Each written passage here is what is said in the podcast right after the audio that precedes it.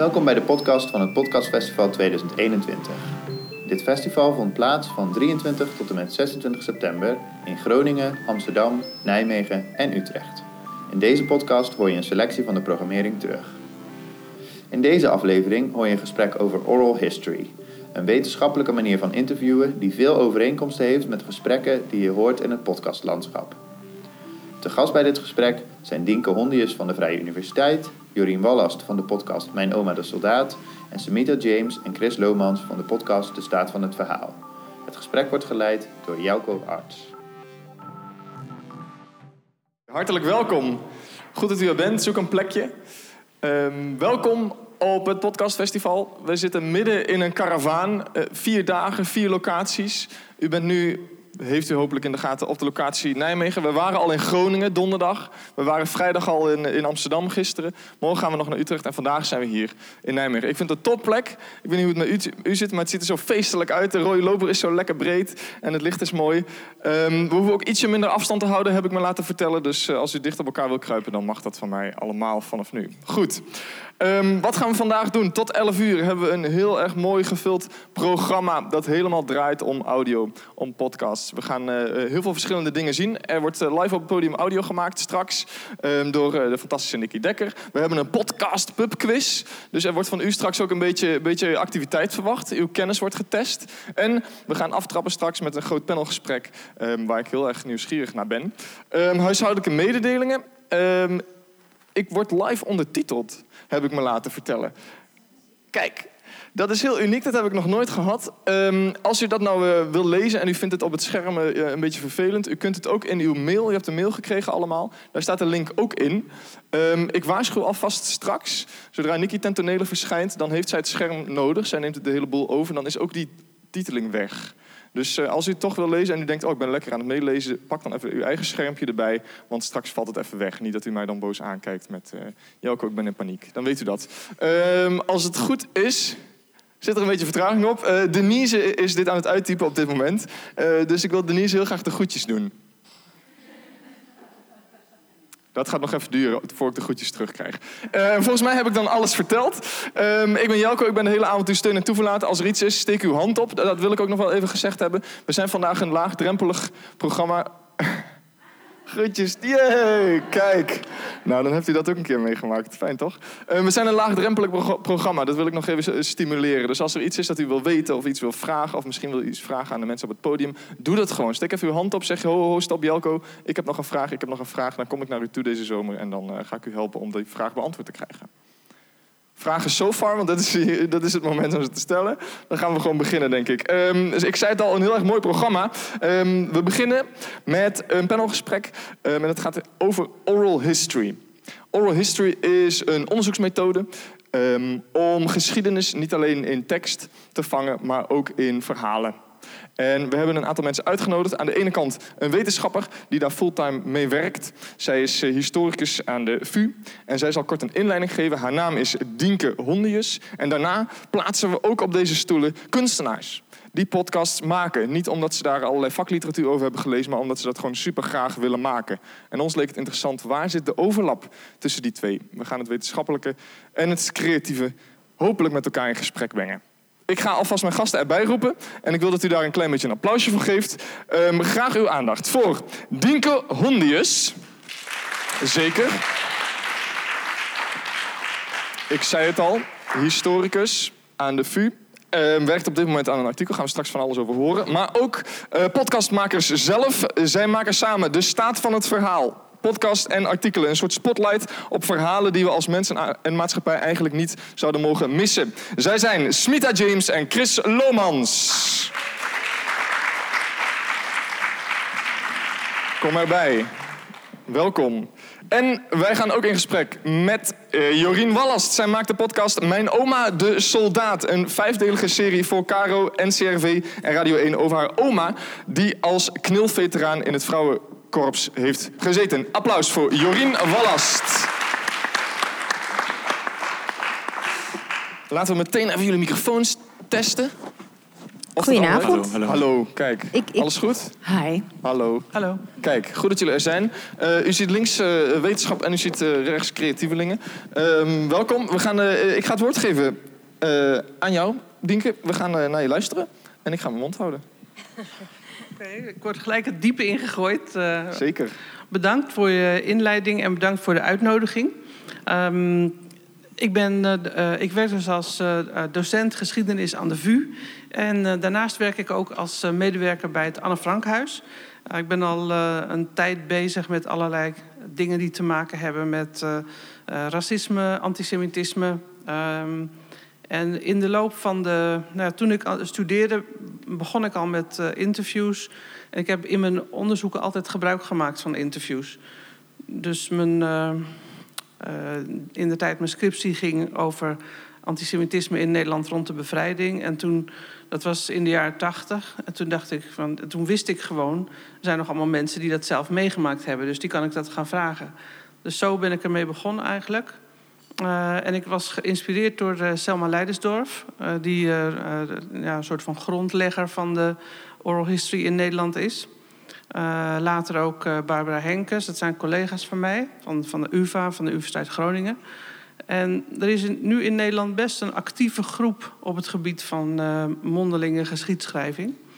En eh, ja, we hebben ook een eh, eh, werkgroep van de Huizinga Instituut... dat we af en toe bijeenkomsten organiseren met een website. Dus er is binnen de universiteiten wel wat aandacht voor. En ik geef cursussen op de universiteit... leren gebruik maken van interviews voor historisch onderzoek. Maar ik zal even. Nou, wat, het artikel eigenlijk wat ik wil, hier wil presenteren, dat komt uit in een boek van Selma Leidersdorf. En- en het is eind oktober moet het uitkomen. En er is dan ook een bijeenkomst bij Spui 25 in Amsterdam. eh, voor de presentatie. Die is op 27 oktober, heb ik net gehoord van Selma. En dat heet eh, Oral History, de mensen en hun verhalen.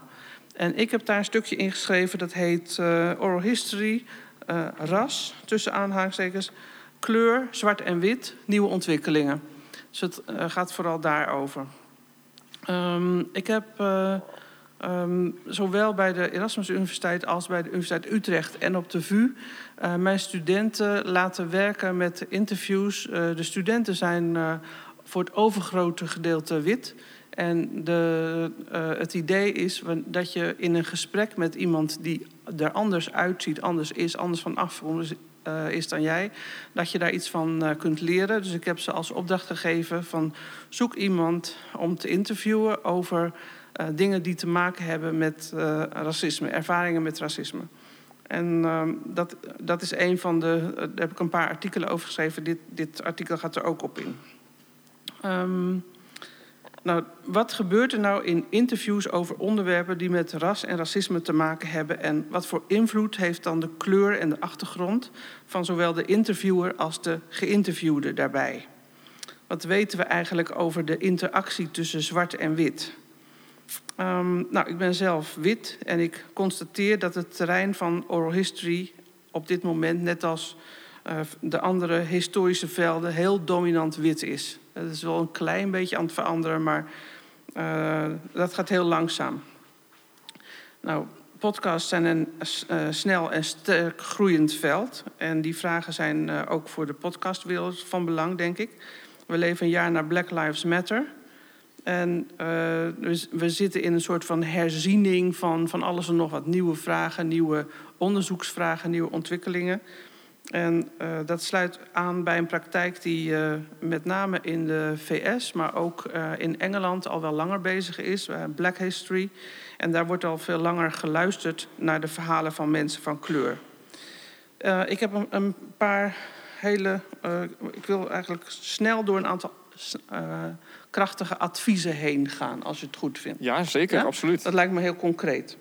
Nou, het eerste is, uh, de eerste advies is, als je uh, als witte onderzoeker een interviewproject wilt gaan beginnen waarin zwarte Nederlanders aan het woord komen, uh, lees je dan in, oriënteer je. En dat klinkt voor de hand liggend, maar gebeurt eigenlijk heel weinig. Want als je eenmaal iemand gevonden hebt om te gaan interviewen, dan denk je van nou, ik, ik begin gewoon, ik ga gewoon vragen stellen. Maar bij oral his- oral history vind ik het heel erg belangrijk dat eh, studenten en uh, ik zelf ook, hè, komt er niet altijd aan toe, maar het is ontzettend veel beter om te proberen je zoveel mogelijk al op de hoogte te stellen van wat iemand jou gaat vertellen. Dus uh, je, je oriënteert je op wat iemand meegemaakt heeft, waar iemand woonde, hoe het eruit zag. Uh, letterlijk, hè, van hoe ziet die buurt, die straat, die huizen, hoe, hoe is dat daar? Wat gebeurde er toen ongeveer? Wat kan ik er verder over lezen? Wat kan ik er allemaal over te weten komen? Dus eigenlijk ga je al de vragen die je wilt gaan stellen aan diegene, ga je zelf al beantwoorden door uh, bronnen op te zoeken, door archieven, uh, zoveel mogelijk te weten te komen. Want hoe, hoe meer je weet, hoe beter jouw interview gaat worden. Op het moment dat je dan met je interview bezig bent, dan ga je niet al die kennis die je hebt verzameld etaleren, maar in tegendeel ga je die juist op de achtergrond houden. Dus dan ga je in de, in de vragen die je stelt juist zo, uh, zo eenvoudig en zo open mogelijk interviewen. Dus je stelt hele korte, eenvoudige, open vragen. Um, ik, ik begin vaak met een vraag over uh, waar woonde u toen? Uh, hoe, hoe, zag uw huis er toen uit? Uh, om terug te gaan in de tijd, om met iemand in een tijdstip terecht te komen waar het verhaal over zou moeten gaan. En als je dan bij een, een woonplaats, een huis terechtkomt, dan moet je dat eigenlijk in je herinnering voorstellen. Als ik aan jou vraag van toen je op de kleuterschool zat, waar, waar woonde je toen? Dan, dan, moet jij, dan ga jij terug in je herinnering naar die straat, naar dat huis. Dan zie je het voor je? Ja, zeker, absoluut. Ja. En dan, als ik je dan vraag, maar, en uh, had je dan slaapkamer? Sliep je daar, was, was je daar, uh, sliep je daar alleen? Of hoe zag dat eruit? Um, dat zag ik. Uh, ik sliep met mijn zusje op een kamer een tijd. Je, ja. je ziet het voor je. Je ziet het kamertje ja. alweer voor je. Nou, dat helpt dus om terug de tijd in te gaan en ergens te beginnen. Uh, ik, dus met, bij een interview is het. Je, om, om terug te komen in de tijd moet je mensen de gelegenheid geven om echt terug te denken. En, en daar ook de ruimte voor te geven. Maar goed, het eerste advies is dus oriënteer je. En als het gaat over wit en zwart, dan betekent dat ook lees je in over de koloniale geschiedenis van Nederland. En uh, over de migratiegeschiedenis, de geschiedenis van slavernij, de decolonisatiegeschiedenis. Zorg dat je daar in elk geval basisgegevens over hebt. Nederland is 2,5 jaar, 2,5 eeuw betrokken geweest bij slavenhandel en slavernij. Um, tot slaafgemaakten werden als minderwaardige mensen beschouwd. En we komen er eigenlijk nu pas, beginnen we te erkennen hoe ontzettend diep en sterk witte superioriteit al die tijd geweest is. En hoe dat nog doorwerkt tot vandaag de dag. En ik denk dat we daar niet uh, bewust genoeg van kunnen zijn. En dat je in je oriëntatie uh, met donkere Nederlanders of ook internationaal, hè, dat, je, dat, dat bewustzijn moet steeds in je achterhoofd zitten. Van wat is er allemaal gebeurd. En ja, ook al weet je daar niet alles van, hoef je helemaal niet alles van te weten, maar dat besef moet je wel hebben. Mag, mag ik meteen iets, iets vragen ja. op dat advies? Want um, ik ga nu meteen een antwoord geven over mijn zusje op uh, mijn slaapkamer. Waarom, waarom is het zo belangrijk om dat op audio te hebben in plaats van dat je het uitschrijft? Uh, nou, kijk, bij oral history begin je met iemand te vertellen, te, verhalen te laten vertellen en te interviewen. En dat kan, ja, ik verwerk alles in artikelen en boeken. Dus voor mij is het niet een podcast die eruit komt, maar het wordt altijd geschreven tekst. Ja. Dus het. Want, want op het, dit is een interview. Wat je nu voorstelt, van je moet je onderwerpen interviewen en je moet je goed inlezen en dan kun je een vraag stellen. En het antwoord dat dan komt, ik ben benieuwd waar, waar dan want de studenten die je die, die opdracht geeft, die moeten met die audio aan de slag. Ja. Mag, mag, ik, mag ik jullie erbij betrekken? Zeker. Ja, jullie zijn er nou toch. Um, herken je dit? Wat ze beschrijft, is dat hoe jullie ook te werk gaan? Ik ga, neem eerst een koffer mee met alles wat ik... Uh, ik probeer zoveel mogelijk bagage mee te nemen voordat ik het gesprek inga. um, sta ik aan? Uh, voor mij wel, voor het ja, publiek okay. ook. Oh, nee. top. Oh, nee? Niet? Nu, nu oh, wel. Top. Ja, kijk, Goedenavond. um, of wij ook te werk gaan met uh, het inlezen voordat we iemand spreken, bedoel je? ja, wat die voorbereiding voor jullie is. Ja, in principe wel. Ehm, we hebben altijd een voorgesprek voordat we echt een interview eh, ingaan. Omdat wij eh, de personen ook eh, nou ja, eerst willen leren kennen op eh, het eerste niveau. Voordat we de diepte ingaan. Ja, en een verschil is denk ik wel dat wij ehm, niet per se hele korte, open, neutrale vragen stellen. Maar dat het echt een ontmoeting is tussen ons en de persoon die we interviewen. Eh, dus ik denk dat wij niet neutraal zijn. Eh, in de allereerste aflevering hebben we ook uitgebreid onszelf voorgesteld. En Ja. ook zelf verhalen gedeeld die we bij ons dragen. Zeker, ja. Dus, dus er vindt een kennismaking eh, making plaats. Ja. Maar zo, zo open en neutraal als waar, eh, eh, waar woon je toen? Dat is een vraag die jullie niet per se in je podcast zouden stellen. N- Niet, niet per se. Als, het, als dat ontstaat vanuit het gesprek, zou dat... Ja, misschien Kunnen. is het ook handig als wij kort iets vertellen Ja, over wat de vertel podcast over- is. Ik doe net Ja. alsof Ja, ja, ja. alsof iedereen de staat van het verhaal kent. Ja, precies. Eh, vertel, Chris, wil jij het kort introduceren? Ja, de staat van het verhaal is een eh, grote poging om een verzameling verhalen te maken die daadwerkelijk een weerspiegeling is van onze samenleving.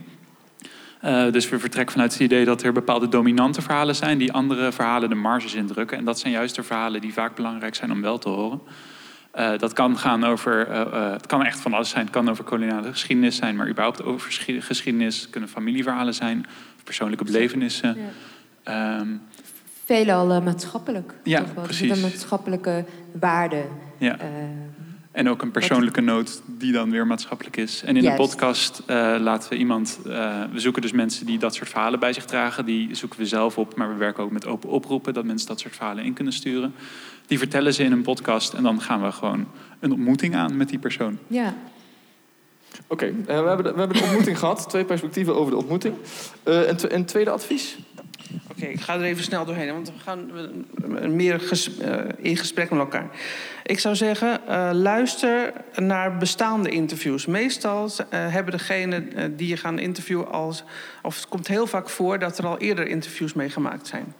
Ehm, ieder, iedereen die met interviews begint, die wil iets nieuws maken. Die denkt van ik ben de eerste, ik ben de enige, mijn vragen zijn anders dan anders. En hoezo, ja, het zal heus wel dat er ergens in een archief nog een ander interview ligt, maar dat is niet belangrijk. Dus, en dat, ik vind dat dus wel belangrijk. Je moet echt zoeken naar oudere interviews met de, dezelfde mensen. Of mensen die iets vergelijkbaars hebben meegemaakt. Want eh, hoe zij daarover vertellen, daar kun je heel veel van leren voor jouw eigen interview. Eh, wat, we ook, wat ook heel interessant is, is interviews met elkaar vergelijken. Eh, bijvoorbeeld, jullie, ik heb jullie interview met eh, Bab Schons eh, gelezen. Dan zou het vreselijk interessant zijn om Bab Schons te volgen. En wat ze nu vertelt, wat ze over vijf jaar vertelt, wat ze over tien jaar vertelt. We weten allemaal dat iedereen's herinnering verandert enorm in de loop van de tijd. Van hoe jij over je kleutertijd vertelt, of hoe je vertelt over de tijd dat je, over vijf jaar geleden. Dat is over twintig jaar weer heel erg anders. En dat is zo anders dat je dan soms hele verhalen weglaat of echt verandert, echt een andere draai geeft. En daarom zijn die, die open interviews zo belangrijk. Dat je. eh, natuurlijk wil je bepaalde dingen horen, je wil bepaalde eh, dingen aan de orde stellen.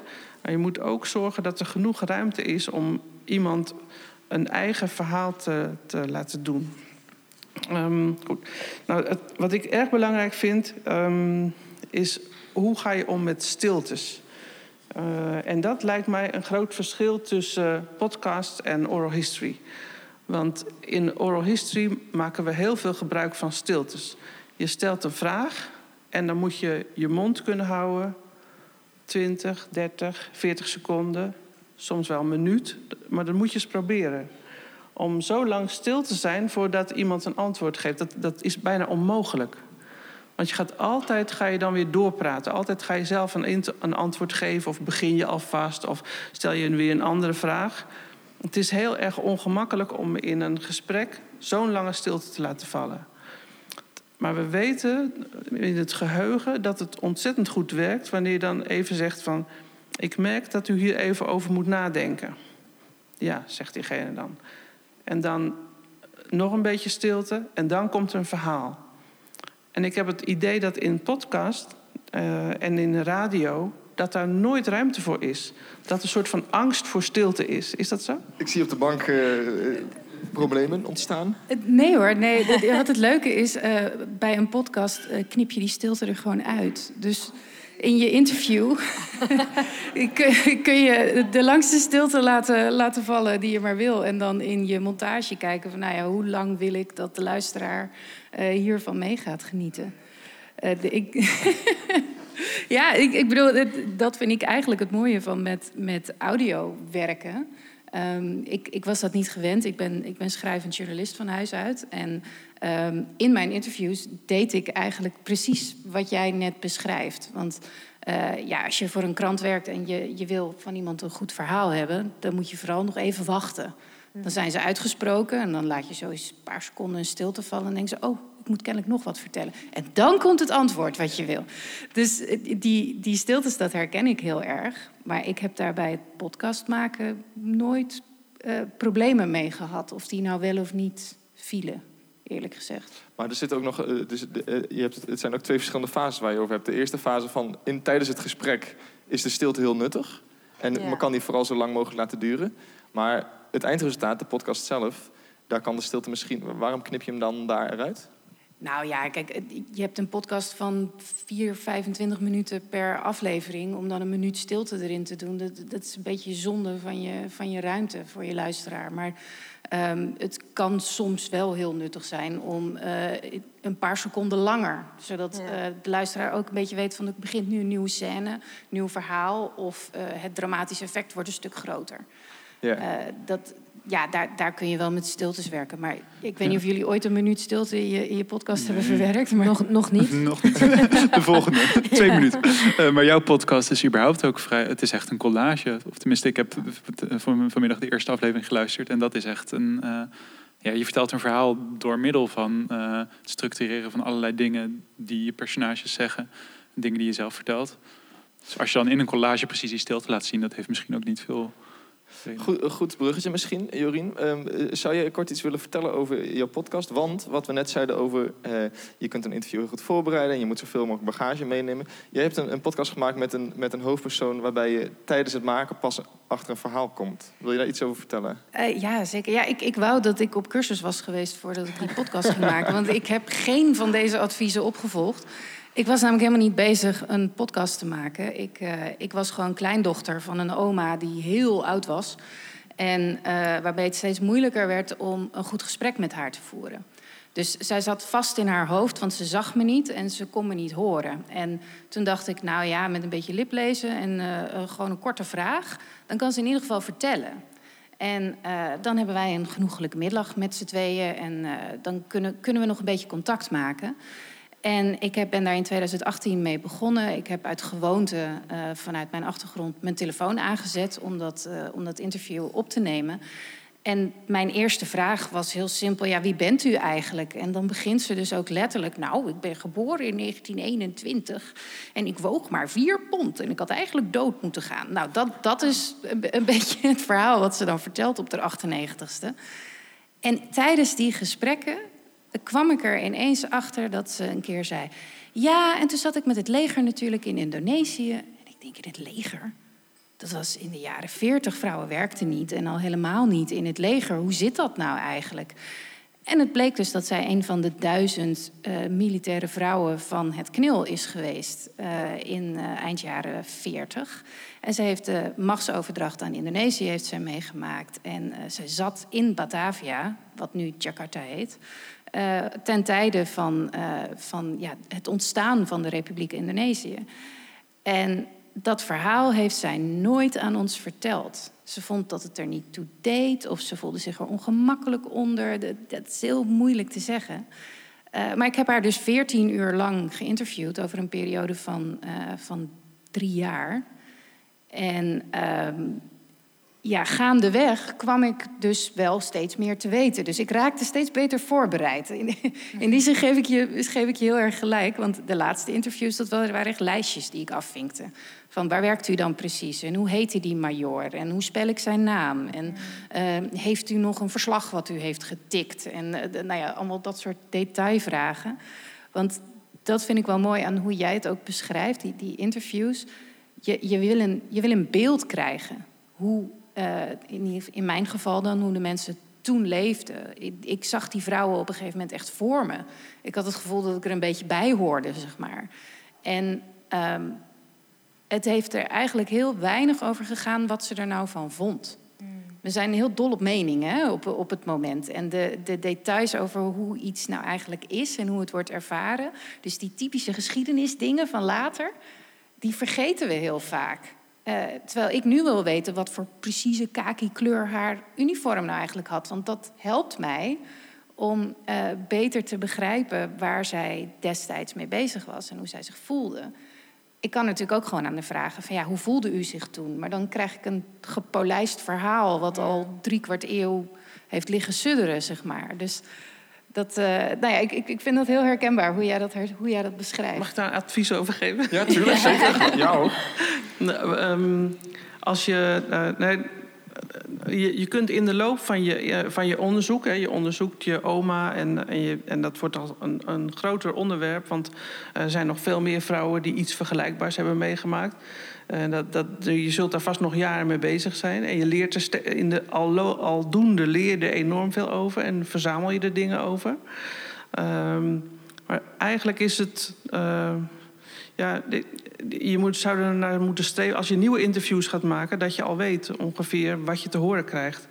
Want als je, als je, als je denkt uh, dat je een vraag stelt waarvan je eigenlijk het antwoord al weet, hè, van hoe, voor welke major werkt je, uh, hoe stond hij bekend, uh, ik, ik, noem maar een paar dingen. Hè. hoe zag dat kantoor eruit? Wat waren jullie dagelijkse bezigheden zo'n beetje in die tijd? Met zijn, waar, waar, wat deden jullie buiten het werk? dat had je allemaal al op kunnen zoeken. Dat, dat, had je in archieven had je dat kunnen vinden waarschijnlijk.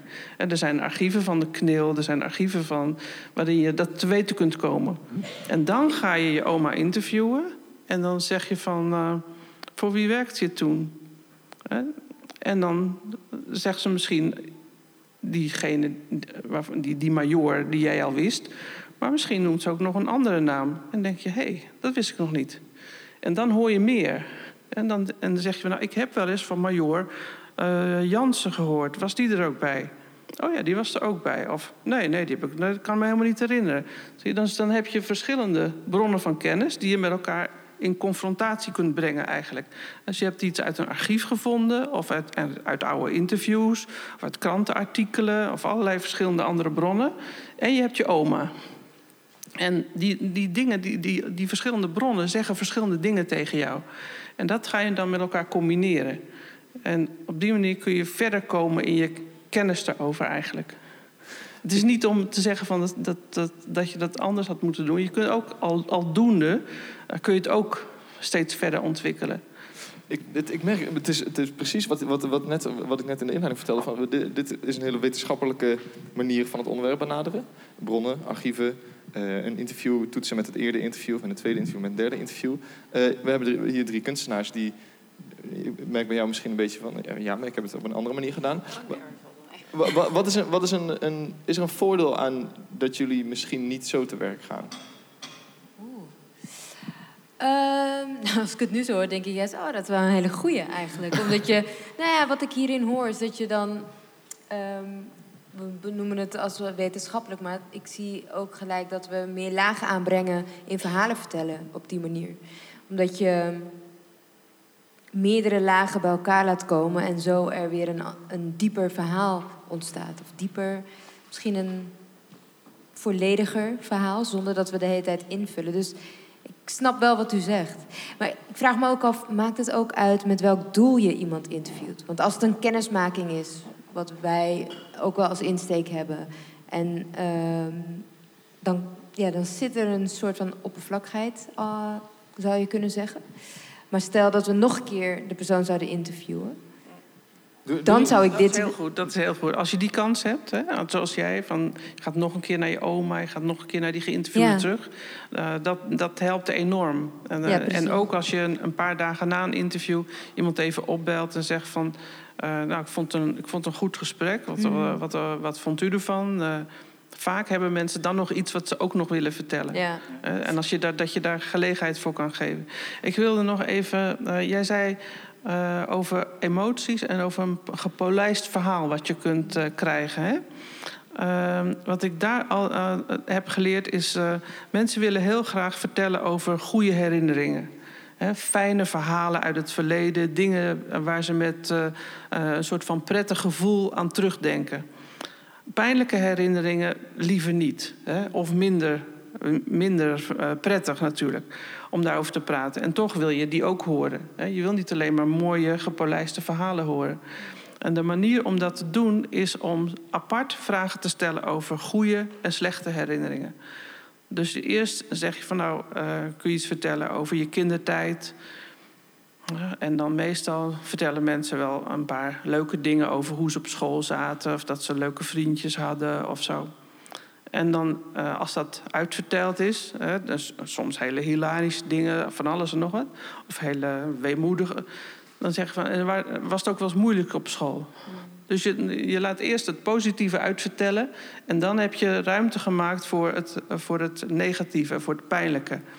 En uh, dan zul je zien dat, oh, dan, dan oké. Dus je maakt daar ruimte voor.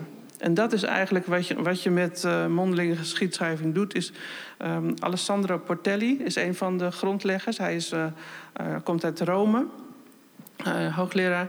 En Portelli die zegt... Creating narrative space. Je maakt narratieve ruimte door waar je het over hebt. en je kunt dus ruimte maken voor iets waar, iemand wat iemand meegemaakt heeft, gezien heeft of uh, gedaan heeft, maar waarover het moeilijk is om te vertellen. En door de manier van vragen stellen kun je die ruimte creëren. Kun je, je geeft iemand gelegenheid om ergens over te praten. En dat is heel letterlijk ruimte geven en tijd geven om ergens over na te denken, om iets onder woorden te brengen. En dat doe je samen. Dus het is een, een gezamenlijk proces. Ja. Ik, ik, maak zelf geen podcast. Kan een van jullie misschien mij meenemen naar een moment dat je iemand tegenover je hebt, je hebt een vraag gesteld en je, je merkt dat iemand daar of slechte herinneringen of negatief of een beetje op slot gaat misschien of in ieder geval niet helemaal positief op reageert. Eh, is dat, kijken we naar Chris, ik weet niet waarom, is dat wel eens uh, voorgekomen? Nee, bij ons niet, zo, uit mijn hoofd. Maar dat is ook omdat wij, en dat is denk ik ook wel een verschil tussen podcast hoe wij het maken en oral history, uh, dat bij ons het gesprek zelf al het product is. Ik kan me voorstellen dat, dat bij jou uh, is zo'n gesprek echt een doel om kennis te produceren. Mm Terwijl bij ons het gesprek is al het uh, wat we maken. dus daarin zoeken we ook juist een spontaniteit en een. Ik zou ook niet helemaal voorbereid zijn, omdat ik zelf ook verrast wil worden om spontaan te reageren. Um, ik had net een bruggetje. Uh, maar daarom, uh, we weten ook van tevoren wel, welke kant we opgaan. Dus meestal komen er ook geen dingen langs die we niet, echt totaal niet hadden verwacht. Nee, eigenlijk niet. Wat misschien ook wel jammer is. Nou ja, uh, er is een richting voor het gesprek. Maar wij weten niet exact wat wanneer komt. Dus, um, dus er zit wel een soort van verrassingselementje in. Maar je kan, we hebben houvast aan uh, waar we op uit willen komen. En bij ons heeft ook de, spreker, de gast zelf al net hun verhaal verteld in 10 minuten. In een, en dat uh, is het uitgangspunt. Precies, ja. en daarin heeft iemand ook op helemaal hun eigen termen al hun verhaal kunnen vertellen. Uh, waar ook alle heftigheid al in zit vaak. Hij, hij, ik ben benieuwd of je aanging op de quote kennis vergaren ik vroeg me dat af bij. Ik zat de eerste aflevering te luisteren en toen vroeg ik me af. Is dit inderdaad document, is dit een documentatie? Is dit wetenschappelijk uh, grip proberen te krijgen, kennis vergaren? Uh, of waar zit ik eigenlijk precies naar te luisteren? Dat, dat zat ik me af te vragen. Um, nou ja, het, het, is heel leuk dat je dat op die manier hebt ervaren. Want dat is ook precies uh, het proces waarin ik, waar ik doorheen ben gegaan in die podcast. Ik, ik was um, in een proces om mijn oma beter te leren kennen. Gewoon uh, als mens. En ik dacht van, nou ja, ze heeft bijna een eeuw meegemaakt. Daar moet een interessant verhaal in zitten. Uh, en ik kreeg veel meer dan ik, dan ik had verwacht. Dus je, je moet op een gegeven moment moet je zelf ook gaan schiften. Eh, in eh, welke informatie vind ik nou wel interessant om op door te vragen en welke niet. Ehm, en ja, in mijn geval eh, was ik natuurlijk ook nog, had ik een familieverband met het personage in mijn, in mijn podcast. Want ja, bij storytelling, je hebt natuurlijk een probleem nodig, wat in je verhaal verder wordt gebracht en waar een soort van climax uitkomt. Want ja, anders heb je geen verhaal. Um, maar bij mij was dat mijn oma, die uh, net uit de Tweede Wereldoorlog kwam, daar allerlei uh, ingewikkelde, nare dingen had meegemaakt en zich omdraait, zich aansluit bij een koloniaal leger om aan de andere kant van de wereld een land te gaan bezetten. Dat is een hele rare spagaat waar zij in heeft gezeten en waar ik als kleindochter ook naar kijk van ja, maar hoe zit dat nou? En om dan terug te komen op jouw vraag van ja, heb je wel eens meegemaakt met iemand die je interviewt dat je een vraag stelt waar hele nare herinneringen uitkomen of waar ze helemaal geen antwoord op willen geven. Nou, die hadden wij voortdurend. Ja. En wat heel bijzonder was, is dat zij aan mij wel wilde vertellen uh, hoe dat allemaal zat. Ook echt tot in detail. Uh, behalve, nou ja, precies die vraag die ik dus net stelde: van hoe kan het nou dat je uit de ene oorlog komt, uh, bezet bent geweest en vervolgens bezetter wordt? Ja, dat vond ze zelf gewoon ook heel ingewikkeld. Ze snapte zelf ook niet zo goed hoe, hoe dat nou gewerkt had bij haar. En daar hebben wij hele uh, goede gesprekken over kunnen hebben. Niet altijd met bevredigende antwoorden, maar wel. Um, nou ja, we, we waren daarin um, elkaars gelijken in de zin dat zij graag wilde vertellen wat ze wist. En ik wilde het heel graag weten zonder oordeel. En uh, ik denk dat als je die omgeving weet te creëren, uh, dat je tot hele boeiende verhalen kunt komen, die soms ook pijnlijk zijn of niet helemaal uitgekristalliseerd of zelfs lastig om naar te luisteren. Uh, en dat, uh, ja, dat, dat zijn voor mij de, de pareltjes van het verhaal die het, die het ook boeiend maken om uh, zo'n podcast uit te luisteren. Want je wil gewoon weten wat er in iemand om is gegaan. Hoe komt hij tot de keuzes die hij heeft gemaakt? Ja. ja. Eh, hoe, hoe zorg je daarvoor, eh, daarin uh, dat je niet iemand dwingt om een um, privéverhaal te vertellen? Want daar, ja. dat hadden wij heel erg, toch? We wilden niet uh, de censuur hebben van... oh, uh, even een goed verhaal, even op alle pijnpunten drukken, zeg maar. Maar dat we de ruimte bieden aan mensen om het verhaal te vertellen... waarvan zij vinden dat wij dat allemaal... Um, tot ons mogen nemen. Omdat het, dat we daar op een of andere manier ook onderdeel van zijn. Ja. Willen mensen in hun kracht zetten en niet een soort van persoonlijk verhaal als product uit hun plukken. Juist. Hoe, hoe heb jij daarover nagedacht tijdens? Uh, nou ja, kijk, ik heb heel veel uren interview uh, met haar. En um, zij, zij is ook wel eens gevraagd voor uh, uh, bijvoorbeeld andere tijden of ze wilde komen vertellen. En dan zei ze van nee, dat vind ik allemaal veel te privé en uh, dat hoeft van mij niet. Uh, ze wilde het aan mij wel vertellen, ook denk ik omdat ze zelf wel voelde dat het einde van haar leven naderde. En ze gewoon graag het ook voor zichzelf nog eens op een rijtje wilde zetten. na een van onze eerste gesprekken over de Tweede Wereldoorlog zei ze daarna van ja, weet je Jorien ik ben eigenlijk nu pas bezig met het verwerken van al die dingen, omdat wij het er nu over hebben. Er werd nooit gepraat in die generatie. Dus um, in die zin hielpen wij elkaar. En dat geeft natuurlijk een hele, uh, hele veilige omgeving om je hele verhaal neer te kunnen leggen. Uh, maar ja, ik heb bijvoorbeeld ook mijn oma gevraagd naar de vriendjes die ze had in Indië. Ja, dat is heel raar voor mij als, als kleindochter. En gek genoeg was het voor haar dus helemaal niet raar. Dus ik heb daar wel meer informatie gekregen dan ik graag had gewild. En, heb je daarin ja, keuzes gemaakt? Dus, want dan krijg je antwoorden. Ik, ik snap dat dat één op één uh, heel tof is om, om te horen. Heb je daarin keuzes gemaakt um, welke je wel publiceert en welke niet? Ja, maar dat waren, om heel eerlijk te zijn, puur journalistieke keuzes. Dus uh, het, het ging erom, was het nuttig en nodig voor het verhaal. Uh, omdat mijn oma mij uh, carte blanche heeft gegeven om alle informatie te gebruiken. Uh, ze heeft over een paar dingen van mensen die nog leefden, heeft ze gezegd van nou ja, doe dat maar niet. en ja, daar hou je dan rekening mee. Okay. Dus, maar ik, ik hoefde niet rekening te houden met bepaalde gevoeligheden, zeg maar. En dat, nou ja, dat is, dat is wel fijn werken. Dus ehm, ja, daar hadden wij gewoon goede, goede afspraken over. Dienke, als ik terug mag komen op wa- wa- wat je in het begin bij de inleiding zei. Ehm, toen zei je, eh, podcast is een snel groeiend, eh, opkomend eh, medium. Ehm, is het denkbaar dat een, een podcast eh, zoals die van Jorien... ehm, over, wat is het, 10, 15 jaar... als bron achterin een geschiedenisboek staat? Tuurlijk, ja, zeker. Tuurlijk. Nee, alle, alle opnamen, hè, of ze nou. Ik ben heel erg geïnteresseerd in het ruwe materiaal van interviews. Gewoon de- van begin tot eind, juist het ongeredigeerde. Eh, van documentairemakers, eh, van journalisten.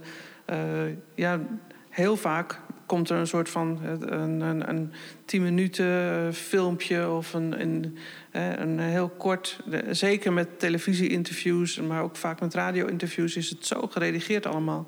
Terwijl, eh, ik ben dan eh, de buitenlandse correspondenten bijvoorbeeld en allerlei filmmakers en audiomakers. bewaar alles en dat dat ook opgeslagen wordt. Want we weten nu nog niet wat we over twintig jaar interessante vragen vinden. En eh, alles wat je nu opneemt, ook al zend je het niet allemaal uit, ook al maak je er korte, snappy, leuke uitzendingen van, eh, bewaar de rest ook. Hè? Gooi het niet weg, maar eh, sla dat ergens op. Dus het opslaan van, van de ruwe gesprekken is heel belangrijk, vind ik. En, maar de geredigeerde versie natuurlijk ook. Er zijn gewoon citaten uithalen. Eh, goede voorbeelden halen. Zeker. Alles wat jullie doen is eh, natuurlijk een product... wat ook weer een bron voor eh, kennis verder kan zijn. Het is wel grappig dat jij dat zegt. Ik heb tijdens mijn zoektocht heb ik een boekje gevonden. Het was een scriptie uit 1985 van een geschiedenisstudent. En daar stonden allemaal inderdaad citaten uit interviews. En ik dacht al van, oh, nou, dit is echt te gek. Maar dan moet ik die citaten zelf gaan zitten oplezen in, in een podcast. Dat is heel raar. En ik heb die dame geïnterviewd die die scriptie heeft geschreven. Eh, die moest het ook allemaal weer een beetje uit haar geheugen opdiepen. En zei heb je die interviews eigenlijk nog? En toen bleken er dus op zolder bij haar ouders... bleken nog zes bandjes te liggen... eh, met VK-vrouwen uit 1985... die gewoon glashelder en super gedetailleerd hun verhaal vertelden. En eh, de audio van vijf van de zes was echt beroerd. Dus dat kon ik niet gebruiken in, in de podcast. Maar er zat wel fantastische informatie in. En het leuke is, die bandjes die gaan nu dus ook naar Museum Brombeek in, eh, in eh, Arnhem. Zeg maar het grote knielmuseum eh, wat we hebben. Want ja, de, conservator daar die dacht ook van... ja, die bandjes die wil ik wel hebben. Er zijn bijna geen getuigenissen van die VK-vrouwen. Dus ja, dat ruwe materiaal, dat is, dat is goud waard als je dat vindt. Ja, een mooie anekdote ook dit, hé. Goed zeg. Eh, dames en heren, we, zitten, we zijn al lang aan het kletsen. Zijn er mensen die zeggen van, eh, ik eh, wil nog wel iets vragen misschien? Ik had u gezegd dat u uw hand op mag steken en u doet het allemaal braaf niet. Eh, heel netjes. Eh, maar het mag. Als je zegt, goh, ik, wil, ik heb hier, we hebben vragen over reactie, ja? Wacht, wacht, wacht. Ik moet met de mic, want anders horen de mensen thuis. Er gaat niks zoomen, toch, hè? Nee, tuurlijk niet. Hallo, we zijn allemaal audio. Kom op, zeg Jacco. Hallo, hoe heet u? Ja, Richard eh, Den Haring. Maar ik wil even reageren over dat eh, bij podcast misschien die stiltes langer, korter of anders zijn. Maar daar werd eigenlijk heel snel gezegd, ja, radio en podcast, daar ligt dat anders. En ik denk dat daar het verschil in meer in zit. Dat bij radio natuurlijk enorme druk zit en we eigenlijk geen tijd hebben qua ether en dingen om stiltes te laten vallen. Maar ik denk dat het in podcast juist eh, misschien nog wel extra goed gebruikt wordt. Omdat je het nog kan bewerken daarna. En omdat je ja, in het gesprek zelf natuurlijk prima die stilte kan laten vallen. Dus, dus, dus ik denk dat het vooral in één woord podcast en radio dan vergelijken met, met dat stukje. Dat wilde ik een beetje proberen te nuanceren. Heel goed, we hebben een fan van stiltes. Meer stiltes. Oh ja, de, de kamer- tafelgenoot meteen. Stiltes zijn goud. Oké, hallo, eh, u bent? Mark Brouwer, ik vroeg me af of je ook sfeer creëert. Aparte sfeer creëert om juist die stilte te kunnen laten vallen. Ja. En, eh, nou, bedankt. Ehm, ik denk eh, ja, hoe je omgaat. Ik, ik wil iets ehm, voorlezen over wat, stilte allemaal kan zijn. Hè? Want ik, ik denk dat jullie voelen dat ook. Ik had een, een mooi citaat van eh, iemand die. Wat, stille, wat kan stilte allemaal betekenen? En het is van eh, Lindsay French. Die gaat, ging in op de betekenis van stiltes in een interview. Eh, want de stiltes kunnen ook samenhangen met de verschillen tussen de verteller en de, uh, en de interviewer. Dus de interviewer die moet ruimtes voor stilte geven en na afloop proberen om die stiltes te interpreteren, te begrijpen van wat gebeurt er eigenlijk. En dan zegt ze, uh, stiltes kunnen uitdrukkingen zijn van individueel of collectief vergeten, van gemeenschappelijk herinneren, van ongemak, van terughoudendheid, van zelfcensuur, van onwil om mee te werken, van confrontatie, reserve, beleefdheid, angst, woede, bedrog, taboe, geheimen, nadenken, overweging, bezorgdheid over de ander, reflectiviteit, conformisme of van dat wat niet hoeft te worden verteld. Dus dat zijn al zoveel. Uh, ik vond het geweldig dat je, dat je veel meer na gaat denken over van waarom is iemand stil. En wat, als je zegt van kun je een sfeer creëren, kunt van tevoren bij het begin van een interview zeggen: uh, u hoeft niet gelijk te antwoorden. U kunt uh, rustig de tijd ervoor nemen. we hebben geen haast. Ehm, en wat ik erg belangrijk vind is ook om, ook, ik weet niet of jullie dat doen, om ook iets over jezelf te vertellen. Dat, is, dat is heel erg belangrijk. Want ja, als je over gevoelige herinneringen en uh, moeilijke uh, gebeurtenissen gaat interviewen. en je weet nooit precies wat er gevoelig ligt of wat de pijnpunten zijn of zo. Uh, dan is het altijd goed dat je ook zelf iets vertelt over wie jij bent. En uh, als het zo uitkomt, hè. Je hoeft niet eindeloos over jezelf door te gaan, natuurlijk. Uh, liever niet. Maar af en toe, als, als je iets herkent of zoals je denkt van nou, dat heb ik ook wel eens meegemaakt. of het doet me denken aan zus of zo. dan kan je dat gerust vertellen. Ja. Dus het, de, de, de, vroeger werd dat, was het denk ik not done. Om moet allemaal neutraal en onpersoonlijk houden en zo. Maar die tijd is echt helemaal voorbij volgens mij. En iets over jezelf vertellen is goed. Dus, uh, dat, uh, u, vindt het ook als, als wetenschapper niet irritant als, als je het ruw materiaal hebt en daar, is dan, daar gaat dan iemand ineens, de interviewer gaat dan ineens een uur lang kletsen over hoe zijn jeugd was. Dat is toch ook vervelend? Uh, nou, het kan, een interview kan alle mogelijke manieren associatief uit de bocht vliegen. Hè? Ja. dat, dat, is juist het leuke eraan. Van, uh, uh, jij vertelde van ik begin met één vraag aan mijn oma. En ze vertelt gelijk een kwartier over van alles en nog wat. Dus mensen kunnen ontzettend associatief in alle verschillende richtingen gaan doorpraten. Wat, tijdens het interview hebben we dan de, maar die weet, kennen jullie misschien wel, de LSD-regel. Van, uh, Bekend, de LSD? LSD, de drug. Maar het is LSD, wel maar de regel? LSD. Nee. De LSD-regel, wat is de, uh, de LSD-regel is luisteren, samenvatten en dan weer doorvragen. Dus iemand gaat helemaal een andere kant op dan waar jouw vragen over gingen. Hè? Of ineens gaat het weer alleen maar over de televisieprogramma's van gisteravond. Mm -hmm. Die ook toevallig nog vers in het geheugen liggen. En helemaal niet meer over het onderwerp waar je het over had. En dan zeg je van oké, okay, als ik het goed begrijp. Dan uh, was dat programma van gisteravond. Dat deed u denken aan die tijd dat u toen nog in Indië uh, ook daar zo uh, gezellig samen zat te eten.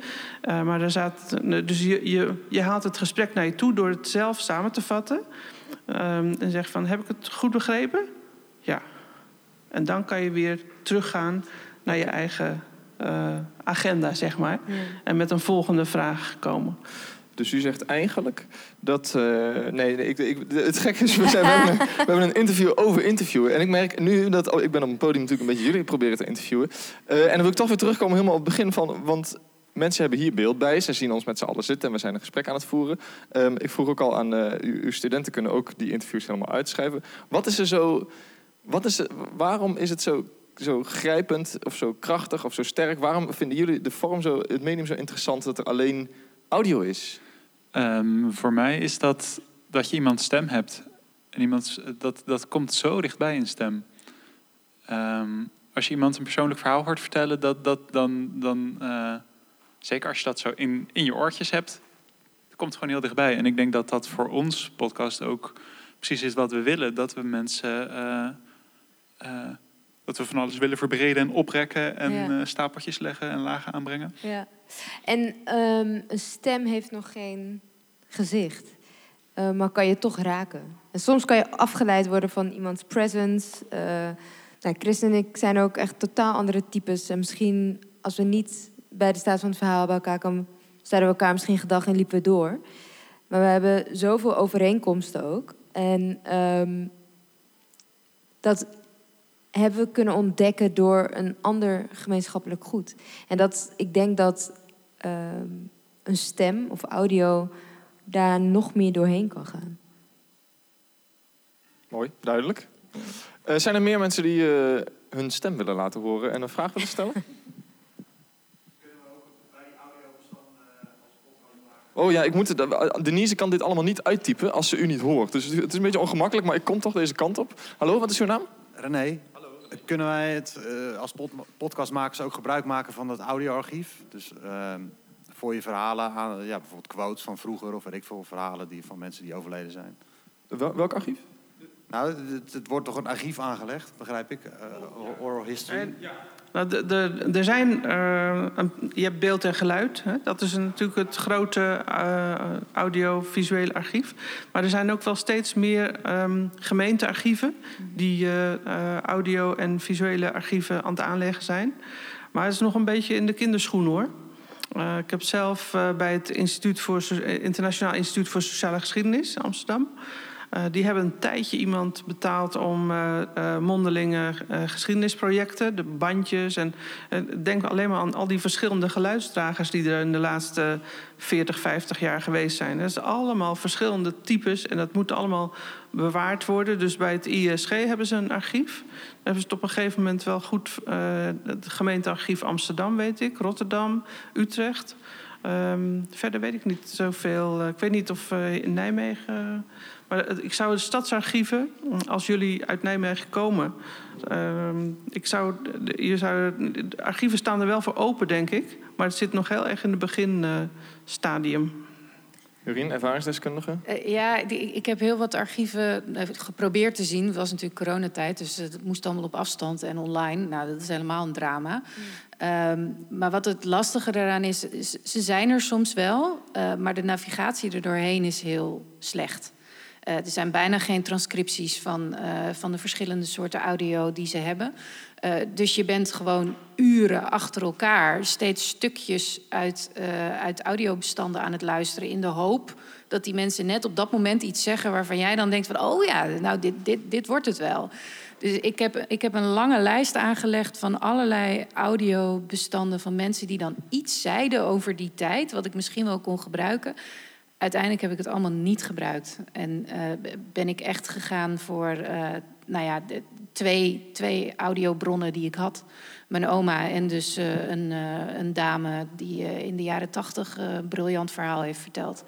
En dat was genoeg, want het, het, het werd anders ook wel heel ingewikkeld. Je kunt die mensen ook niet meer introduceren namelijk, want heel vaak weet je niet meer precies wie het dan waren en uh, ja, waarom hun verhaal dan relevant was. En dan, dan is het zomaar ineens een quote. Dan is het eigenlijk wat jullie beschrijven, de, de persoon daarachter, die heb je dan niet. Want je hebt de context niet.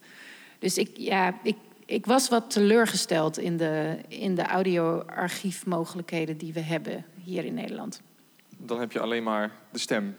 Wat je, wat je net zei, ja, als iets heel positiefs, ja. Ja, dan, dan kun je er helemaal geen voorstelling bij maken. Je wil weten, bij wie hoort die stem dan? En waarom was die persoon daar dan? En ja, ja dat, dat mis je dan allemaal. Het is toch een uh, pleit voor niet alleen het ruwmateriaal opslaan... maar ook uh, wat jullie ervan uh, van maken. Ik zou alles laten transcriberen, want dan kan je namelijk gewoon op zoekwoord. Zo heb ik mijn eigen interviews ook uh, doorgewerkt. Oh ja, Ctrl-F. Ja, dan dacht ik, wat heeft ze allemaal gezegd over Batavia? En dan Ctrl-F ik dat even. En dan, dan, ging ik later terugluisteren of die quotes ook te gebruiken was. Want het was natuurlijk heel oud, dus ze zei heel vaak uh, uh, en nou ja, moeilijk te verstaan soms. Dus ja, soms heb je dan een fantastische quote en dan is het net niet goed hoorbaar. En dan ga je het toch anders proberen op te lossen. Ja. Oké, uh, met het oog op de tijd. Ik zit een klein beetje op de tijd te letten. We gaan een klein beetje afsluiten. We hebben nog plek voor één vraag. En daarna wil ik nog heel iets horen over uh, het artikel wat er aankomt. Uh, ik kom even uw kant op. laatste vraag. Oh, ja, anders kan Denise het niet uittypen. Nee, het spijt me. Korte opmerking. Kijk, je kunt al je ruwe materiaal wel willen bewaren... maar inderdaad, je moet, het, je moet de metadata erbij gaan doen. En ja, het is al een enorme inkomstenbron, de podcast. Dus het is nou niet dat je echt dagen over hebt om dat te beschrijven. Dat maakt alles ontzettend ja, lastig. Je hebt er niks meer aan anders. En ook dus niet alleen maar digitaal opslaan. Want ik hoor jouw anekdote, dan denk ik meteen... ja, leuk die bandjes, maar over 20 jaar... als jij het op een USB-stickje hebt staan... en de USB-C-poorten zijn afgeschaft... dan eh, ben je het ook kwijt.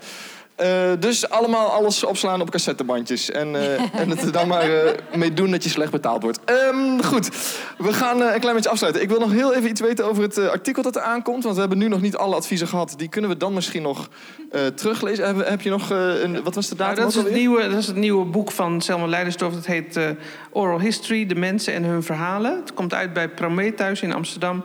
En op 27 oktober is dan een, uh, een presentatie daarvan bij uh, Spui 25. En die zal ook wel uh, online via de livestream te volgen zijn. Hartstikke goed. Dat boek kunnen we dus met z'n allen kopen. Ondertussen kunt u ook de podcasts luisteren van Smita James en Chris Lomans. De staat van het verhaal. Erg de moeite waard. En Jorien Wallis was hier. Haar podcast heet Mijn oma de soldaat. Is ook helemaal online te vinden. Ja op uh, plekken. Gewoon even googlen en dan vindt u dat is allemaal heel erg interessant. is echt de moeite waard. Dames en heren, mag ik een heel erg groot applaus voor ons eerste panel. Ja, zeker ons laatste panel.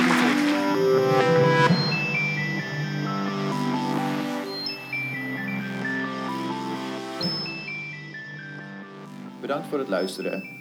Het Podcastfestival 2021 is een initiatief van het Podcastnetwerk en wordt mede mogelijk gemaakt door het Stimuleringsfonds voor de Creatieve Industrie, Fonds 21 het Prins Bernhard Cultuurfonds, de European Cultural Foundation, het Nederlands Letterenfonds, de gemeentes Nijmegen, Utrecht en Groningen en het internationaal bezoekersprogramma van het Nieuwe Instituut. Het programma wordt gepresenteerd in samenwerking met Potgrond, Forum Groningen, Tolhuistuin, Are We Europe, de Nieuwe Oostwintertuin en het International Literature Festival Utrecht. De muziek werd gemaakt door de Mysterious Breakmaster Cylinder. Vergeet je niet te abonneren op de podcastfeed, want er komen nog meer afleveringen aan. Vond je het wat waard? Doneer dan aan het podcastnetwerk via petje.af podcastnetwerk.